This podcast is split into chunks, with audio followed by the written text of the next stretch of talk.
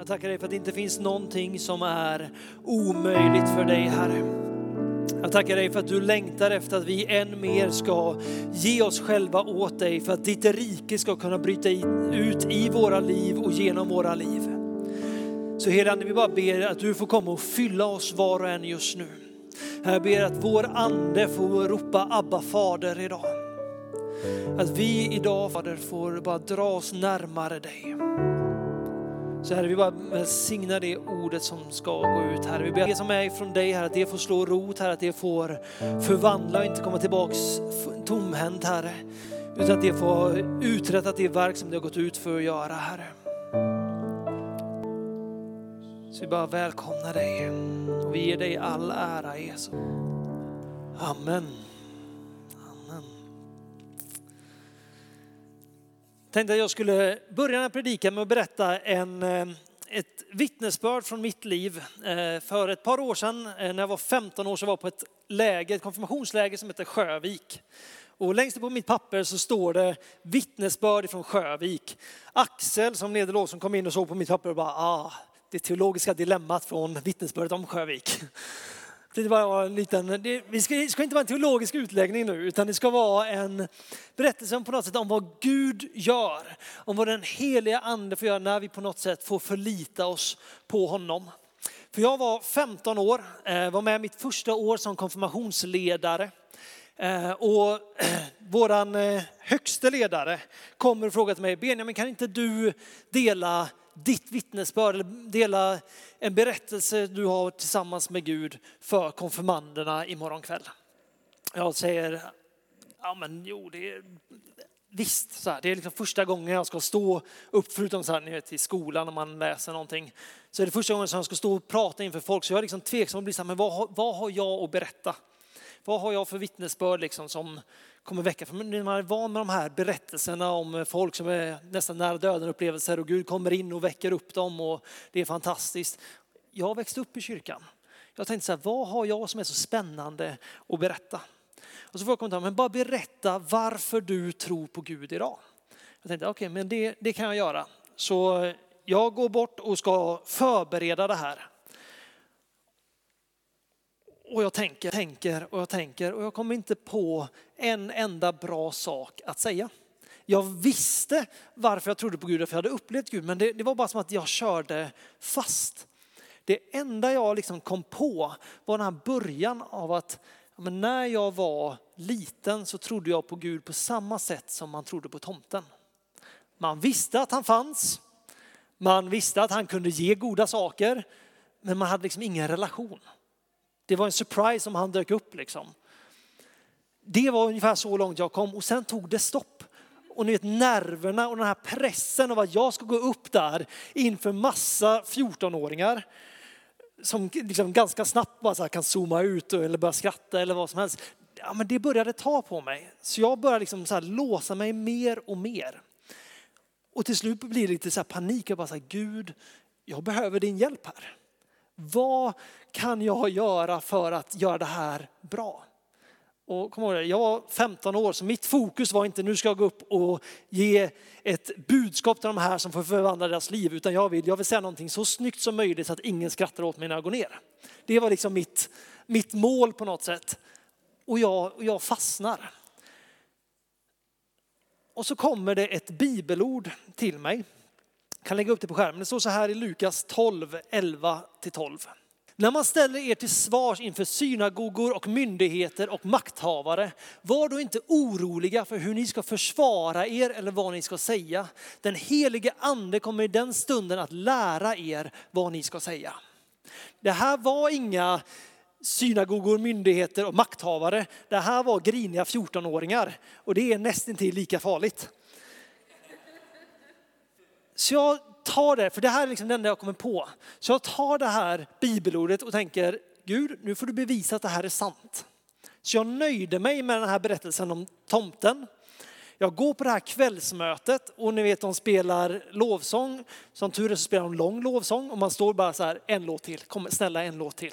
För jag vet att det är jag som ska upp härnäst. Till slut så tystnar lovsången och det är någon som säger Benjamin du kan komma fram. Och liksom så här, man går fram på darrande ben, man är helt skakig. Och man, jag går fram och jag ställer mig och börjar och jag öppnar min mun och jag säger, när jag var liten trodde jag på Gud på samma sätt som jag trodde på tomten. Sen var det blankt. Men jag fortsatte prata. Och jag pratade ganska länge till och med. Och efteråt, och det här är inte nu på något sätt för att ta credit, men efteråt så applåderar de. Och jag kunde gå ner där med ganska högt huvud. Det roliga är att när jag satte mig ner så har jag fortfarande ingen som helst aning om sagt. Det var verkligen helt tomt i mitt huvud, men jag tog det där bibelordet och jag tror att Gud bara behövde visa mig att det jag säger är sant. Så i en sits när jag kände mig helt bortgjord tog jag ett steg i tro och bara sa Gud nu får det bära eller brista. Och det var flera människor som blev berörda av Gud den kvällen. Inte på grund av min vishet, inte på grund av min eh, kunskap eller min fantastiska berättelse, utan därför att jag på något sätt i den stunden överlät kontrollen till Gud. Det har aldrig hänt mig igen efter det. Eh, men det jag vill på något sätt försöka säga med den här berättelsen är det att jag tror att när vi befinner oss på den platsen när vi inte längre är kapabla i egen kraft, när vi känner att vi inte klarar av det, så är vi på en av de kraftfullaste platser vi kan vara på. Jag tror att det är så här att om du just nu i ditt liv befinner dig i en sits som känns hopplös, om du känner dig utsliten eller utkörd och du bara säger jag orkar inte mer. Eller det är någon kamp i familjen som känner det här håller på att dra mig i tu. Jag säger inte att det är en rolig plats att vara på. Men jag säger att det är en ganska kraftfull plats att vara på. Därför jag tror det är så mycket enklare att böja sig inför Jesus, ropa till honom om hjälp och på det sättet bjuda in hans styrka när vi känner att vi inte klarar det själva. Vi kan få upp eh, Matteus 3, nej 5 heter det, vers 3 och framåt. Så, så här, det här är på något sätt intron i bergspredikan, intro till ett eh, Guds rikesliv. Och så säger Jesus de här ganska konstiga orden. Saliga är de som är fattiga i anden, för de tillhör himmelriket. Saliga är de som sörjer, för de ska bli tröstade. Saliga är de ödmjuka för de ska ärva jorden. Saliga är de som hungrar och törstar efter rättfärdighet för de ska bli mättade. Saliga är de barmhärtiga för de ska få barmhärtighet. Saliga är de renhjärtade för de ska se Gud. Saliga är de som skapar frid för de ska kallas Guds barn. Saliga är de som blir förföljda för rättfärdighetens skull, för de tillhör himmelriket. Saliga är ni när människor hånar och förföljer er och ljuger och säger allt möjligt ont om er för min skull. Gläd er och jubla, för er lön är stor i himlen. På samma sätt förföljde man profeterna för er. Det finns någonting av att vara på en plats där man är fattig i anden, där man inser att jag har inte vad som krävs, jag behöver Gud. Eller att vara törstig och man bara känner att jag måste få det här släckt, jag klarar inte det här själv. Att få vara på den platsen, Jesus säger att ni är saliga om ni blir förföljda. Ni är saliga när ni hånas och de ljuger om er. Och jag är ganska övertygad för att en av anledningarna är också för att på den platsen, när vi befinner oss där, så kommer vi inte göra någonting annat än att ropa till Gud om hjälp. Och Bibeln säger att när vi är svaga så fullbordas Kristi kraft i oss. Det är i våran svaghet som hans kraft gör, gör uttryck. För människor kommer inte bli frälsta av vår vishet. Men de kommer inte bli frälsta av vår vältalighet eller av våra goda gärningar. Men där Guds kraft går fram kan liv bli förvandlade. Jag menar inte att man liksom bara ska gå och längta efter att vara på en plats där livet är kaos. Det är inte alls det jag säger, men när man är så är det lätt att ropa till Gud. Och jag tror att när man befinner sig på en plats i livet där man känner sig, jag är ganska tillfreds med vad jag är. Gud är god, jobbet är bra, familjen mår bra, jag är ganska bekväm. Då tror jag att det är en varningsklocka när Gud på nytt börjar utmana dig in i någonting nytt. För Gud har tyvärr inte kallat oss att leva bekväma liv. Jag tror att när vi är på en plats av egen smärta, av egen kamp, då får Guds kraft komma in och hela oss och befria oss. Och det vittnesbördet sen får bli våran auktoritet in i andra människors situation. Det finns på engelska, så har jag hört flera predikanter säga att there is no uh, testimony without test.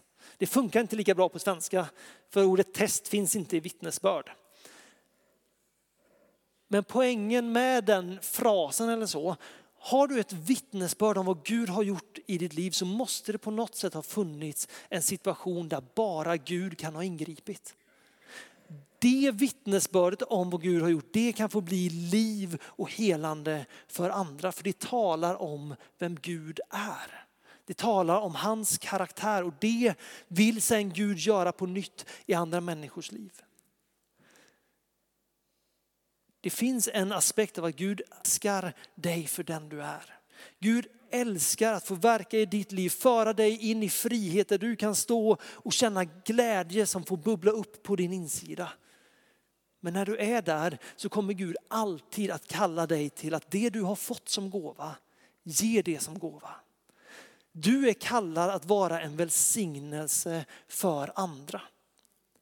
Så när du är på en plats där du känner att nu är det rätt bekvämt så jag är helt övertygad om att Gud kommer av två anledningar kommer han kalla dig in i någonting nytt, in i någonting stort, in i någonting som du känner att du inte klarar av. Ena anledningen är för att du ska få bli en välsignelse för andra. Andra anledningen är för att vi är skapade för att leva i ett beroende av Gud. När vi känner att vi klarar det i egen kraft så gör vi inte vad vi borde göra. Utan vi kallar det till att leva ett livsstil där Gud behöver finnas. Det finns en, eh, en amerikansk pastor som heter Francis Chan. Han sa en gång, jag tyckte det var, det var något som verkligen fastnade hos mig. Han sa det att jag vill leva mitt liv där jag lutar mig mot Gud till den stora graden att om Gud tar ett steg bort så faller jag. Alltså vart i mitt liv lutar jag mig så helhjärtat på Gud inte dyker upp och gör det han ska göra så faller mitt liv. För det finns, det finns en sån enorm sprängkraft i evangelium. Men evangelium vittnar hela tiden om vem Jesus är. Inte om vem jag är. Om vi kollar ehm, den troligtvis största händelsen, eller det är inte den troligtvis, den största händelsen i världens historia. Gud kliver in i världen, blir människa, dör på ett kors för dina synders skull uppstår ifrån de döda för att du ska kunna ha en förnyad relation med Fadern. Historiens största händelse, det förändrade allting. 50 dagar efter att Jesus har åkt upp till himlen så kommer pingstdagen. När den helige ande utgjuts över apostlarna. Den dagen startade en revolution i världen som pågår än idag. Jag bara för skojs skull, för jag har hört att predikanter ska kolla upp saker, siffror och sånt här. Eh, enligt media så eh, är en revolution en snabb förändring, en fullständig omdaning av ett lands politiska, ekonomiska eller sociala system. Samma dag som anden faller över lärjungarna på pingstdagen så kommer 3000 människor till tro. De böjer sig nu under en ny Herre. De sätter Jesus som kung i sina liv och omvänder sig fullt ut. Deras ideal, deras moral förändras i den stunden som de väljer att ta emot Jesus efter den dagen så har kyrkan vuxit lavinartat. Väckelser kommer från tider över hela jorden. Och vi ser hur det förvandlar städer och samhällen över hela jorden. 2011 så beräknades det finnas 100 miljoner kristna i Kina. Där majoriteten av dem lever i underjordiska kyrkor. Gömda från staten. 100 miljoner människor. Tänk deras påverkan också på ett samhälle. För ett halvår sedan så var det i El Salvador så var det 1500 eh, fångar i El Salvadors värsta fängelser som hade tagit emot. Klimaten på fängelser förvandlades på grund av att människor tog emot Jesus. En revolution.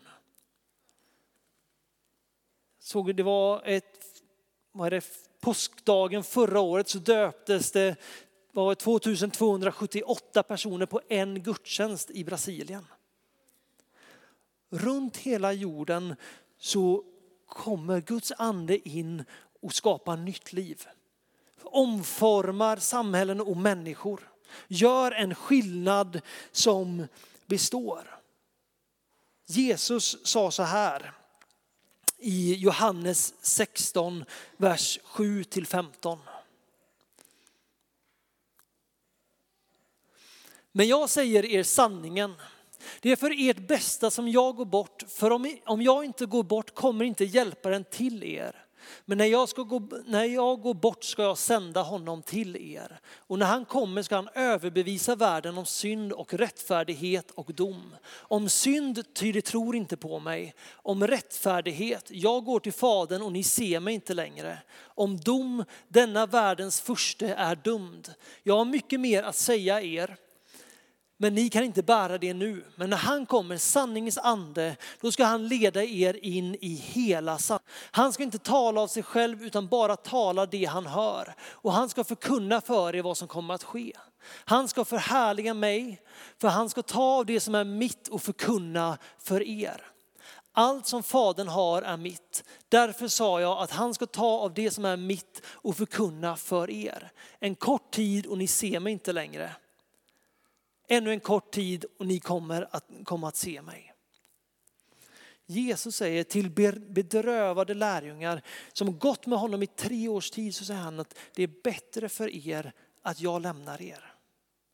För det som händer när jag lämnar er är att jag ska sända er en hjälpare. Och när den hjälparen kommer så kommer Gud ta sin plats på våran insida. Gud själv kommer kliva in i ditt liv och med sin fulla uppståndelsekraft så kommer han ha förmåga att förvandla allt. Men för att vi ska kunna se Guds kraft bryta ut så handlar det om att vi sätter vårat, vår förtröstan och vårt behov till den heliga ande. Vi sätter den till Jesus. För det som vi har sett genom historien, det vi ser hända om, runt om i världen idag i kyrkorna där väckelser kommer, det är den andes verk. Vi kan inte få det att ske av oss själva. Men den helige ande kan. Och jag tror att där Guds rike utbreder sig, där Guds rike går fram, där blir det också välsignelse för individen, för församlingen, för de familjer och vänner som finns runt omkring församlingen. Jag tror att det blir till en välsignelse för staden och landet. Jag läste någonstans att man definierar det inte som en väckelse så länge det inte påverkar samhället. Jesus säger att vi är världens ljus. När vi får möta mer av honom, när vi får ta emot mer av honom så måste det påverka raden utanför oss. Jag tror att där den heliga ande är, där är det frihet. Jag tror att där den helige ande är, där upprättas familjer. Jag tror att där väcks hopp på nytt. När vi känner att vi inte längre klarar och den heliga ande kommer in och får väcka tro. Tro på att allting är möjligt för Gud. Men vi måste på något sätt göra oss själva på en plats där vi är i behov av honom. Därför det är så lätt för oss att leva ett bekvämt liv.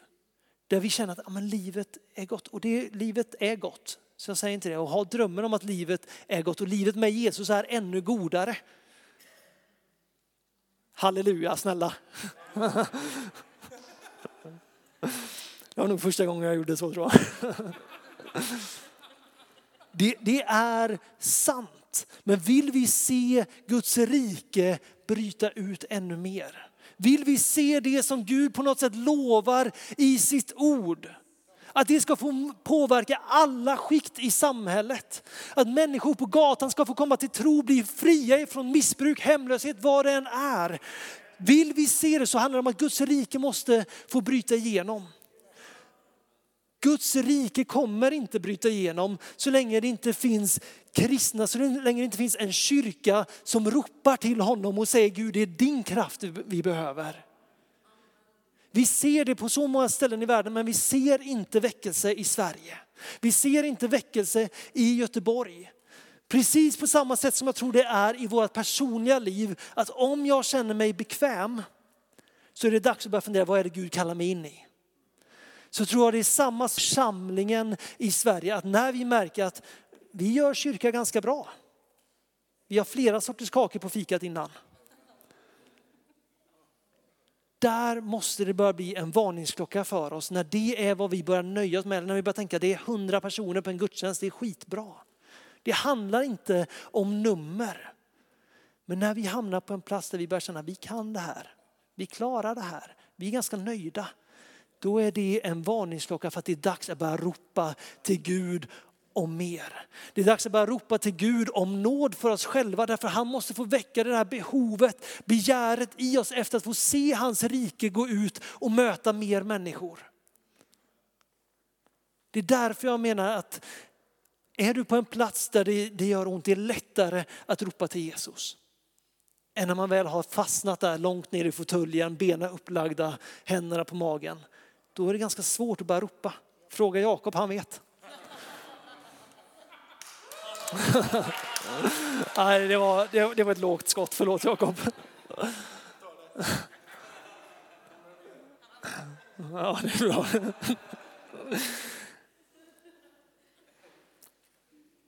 När Jesus talar till lärjungarna så talar han hela tiden om ni kommer bli förföljda för mitt namns skull.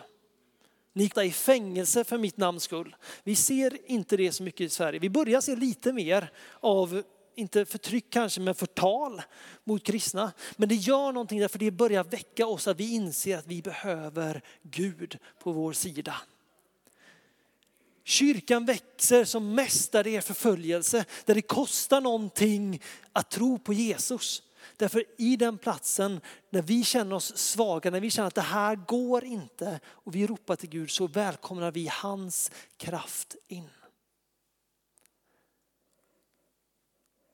När jag hör de här berättelserna om väckelser världen över, då förstår jag på något sätt mer liknelsen om senapsfröet. Hur det där pyttelilla får hamna i jorden, växa upp och bli ett träd som himlens fåglar kan bygga sina bon i. Det går inte att göra det i våran kraft. Vi kan inte organisera oss på ett sådant sätt att vi får Guds rike att bryta igenom. Det enda som funkar är att vi börjar ropa Jesus hjälp. Vill vi börja se mer av Guds rike i våran församling, utifrån våran församling, så handlar det om att vi måste börja bli en bedjande församling. Vi måste börja be, ge oss ditt hjärta för människor. Gud, skapa en nöd i oss, skapa en hunger, gör oss på nytt fattiga i anden för att få se Gud röra sig. Det vi läser i Bibeln om hur Jesus möter människor, hur han helar dem, inte bara fysiska helande, det gör han också, men hur han får hela människor till kropp, själ och ande. Det är underbart. Jag vill att vi är en kyrka som får se människor bli helade till kropp, själ och ande. Därför om det är så, så innebär det att Jesus rör sig i den här församlingen. Men då måste också vi ställa oss på en plats där vi säger Jesus, vi klarar inte det här själva. Vi är inte nöjda med vart vi är, vi är inte nöjda med där vi sitter, utan Jesus, vi vill se ditt rike bryta igenom. Jag har hört det så många gånger, Jesus letar inte efter perfekta människor. Han letar efter tillgängliga människor. Vad innebär det att vara tillgänglig? Jo, att när Jesus säger, ja men då går jag. När Jesus talar, då lyssnar jag. Inte bara hör, utan lyssnar. Tar till mig och försöker sätta det i verket. Jag tror att vi har byggt upp en tradition, en kultur inom kyrkan om att livet är perfekt. Allting är bra Jesus och så vill man inte berätta om sina svårigheter. Jag menar inte att man ska stå framme i kyrkan och bara skrika ut att just nu har jag det jobbigt. Det är inte det jag säger. Men jag tror att det finns någonting att vi måste våga erkänna för oss själva framför allt. Att vi, hur bra familj vi än har, hur bra jobb vi än har, vart vi än är så är vi i behov av Jesus. Vi är i behov av mer av hans nåd i våra liv. Vi är beroende av mer av hans kraft i våra liv. Jag tror att om man vill se Guds kraft på riktigt så handlar det om att gång på gång på gång ödmjuka sig inför honom. Att på nytt lägga ner sitt liv. Därför att hans kraft kommer alltid vittna om vem Jesus är, inte om vem jag är. Och att då få vara på en plats där jag Jesus, jag behöver dig.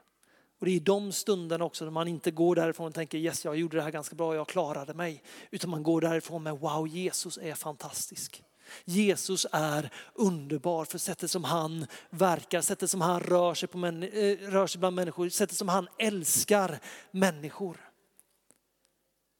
Det kommer när vi tar ett steg tillbaks och bjuder in honom.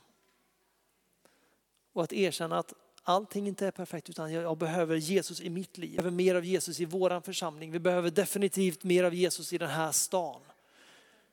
När vi på något sätt erkänner en svaghet så kan vi bjuda in Guds kraft och låta den bli fullkomlig där.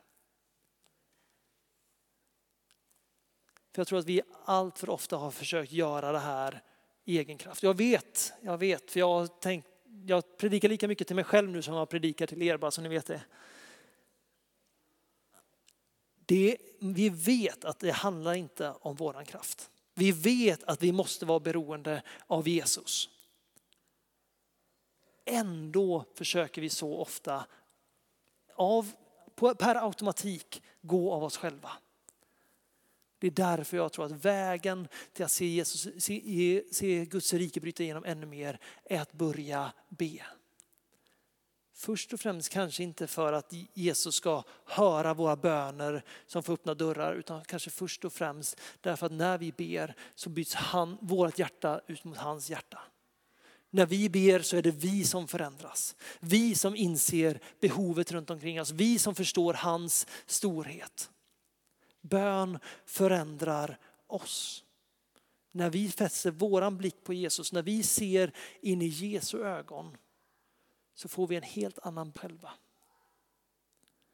När vi ser en vanlig spegel, vi går därifrån, vi glömmer hur vi ser ut, men när vi ser in i Jesu ögon och ser hur han ser på oss på något sätt, det är då vi förstår vilka vi är. Det är då vi förstår att vi är Guds barn. Vi är kungliga. Då har man någonting att ge. Då sitter vi inte tillbaks där, för det som pågår här utanför, det är under vårat mandat också. Jag tror att från en plats av brustenhet så är det lätt att ropa till Jesus. När vi upplever att jag är inte brusten. Då tror jag att Gud kallar dig in i någonting där du på nytt måste lära dig att förlita på honom. Därför då kommer du få växa i din tro. Det är genom prövning som vår tro växer. Det är från den platsen som vi på något sätt får luttras som guld och bli mer lika honom. När vi måste förlita oss på honom. Jesus den perfekta människan förlitade sig fullt ut på Gud och gjorde bara det han såg Fadern göra. Tänk om vi får vara en församling som börjar inse, tänk om vi får göra det som vi ser Fadern göra. Hade inte det varit underbart? Jag tror att från den platsen så kommer vi börja se familjer upprättade. Vi kommer börja se förvandlade arbetsplatser, förvandlade skolor. Men det börjar med att vi erkänner Jesus, vi behöver dig för att någonting någonsin ska kunna ske. Från den platsen, då kan det bli revolution i Linnéakyrkan. Då kan det bli revolution i Göteborg när Guds ande får vända sönernas hjärtan mot fäderna, fädernas hjärtan mot sönerna och döttrar och allting vad det där heter. Det var bara lättare att citera det så. Det är min poäng. Tänk om vi bara får i våran svaghet inse att Gud är stark. Om jag är bekväm, då frågar jag Jesus, vart ska jag gå näst?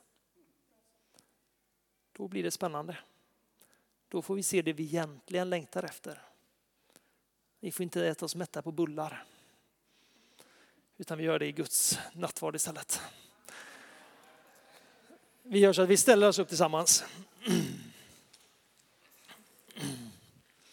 Så får vi bara välkomna den helige Ande. Helige Ande, jag tackar dig för att det bara är du som kan skapa tro i våra liv. Jag tackar dig för att det är bara du som på nytt kan skapa hunger i våra liv. Det är bara du som kan uppenbara vårt behov av Gud i våra liv. Så därför helige Ande, bara ber dig att du just nu får ta bort den där linneduken från våra ögon. Att du just nu får eh, öppna våra hjärtan så att vi får bära efter Jesus på nytt. Att vi på riktigt får börja längta efter att få se hans rike bryta igenom i våra liv och i vår församling och i vår stad. Jesus, vi vill se dig förhärligad. Vi vill se ditt rike bryta igenom. Så här, vi bara säger, låt det ske. Börja med oss. Börja med oss Herre. Och får jag bara be för var och en av oss just nu att du får skapa ett bönens hjärta i oss Herre. Att vi får börja längta efter att spendera tid i bön med dig. Inte bara för att pladdra av oss utan för att få höra vad du säger. Så helande bara förnya våran ande idag. Refresh us. Mm. I Jesu namn.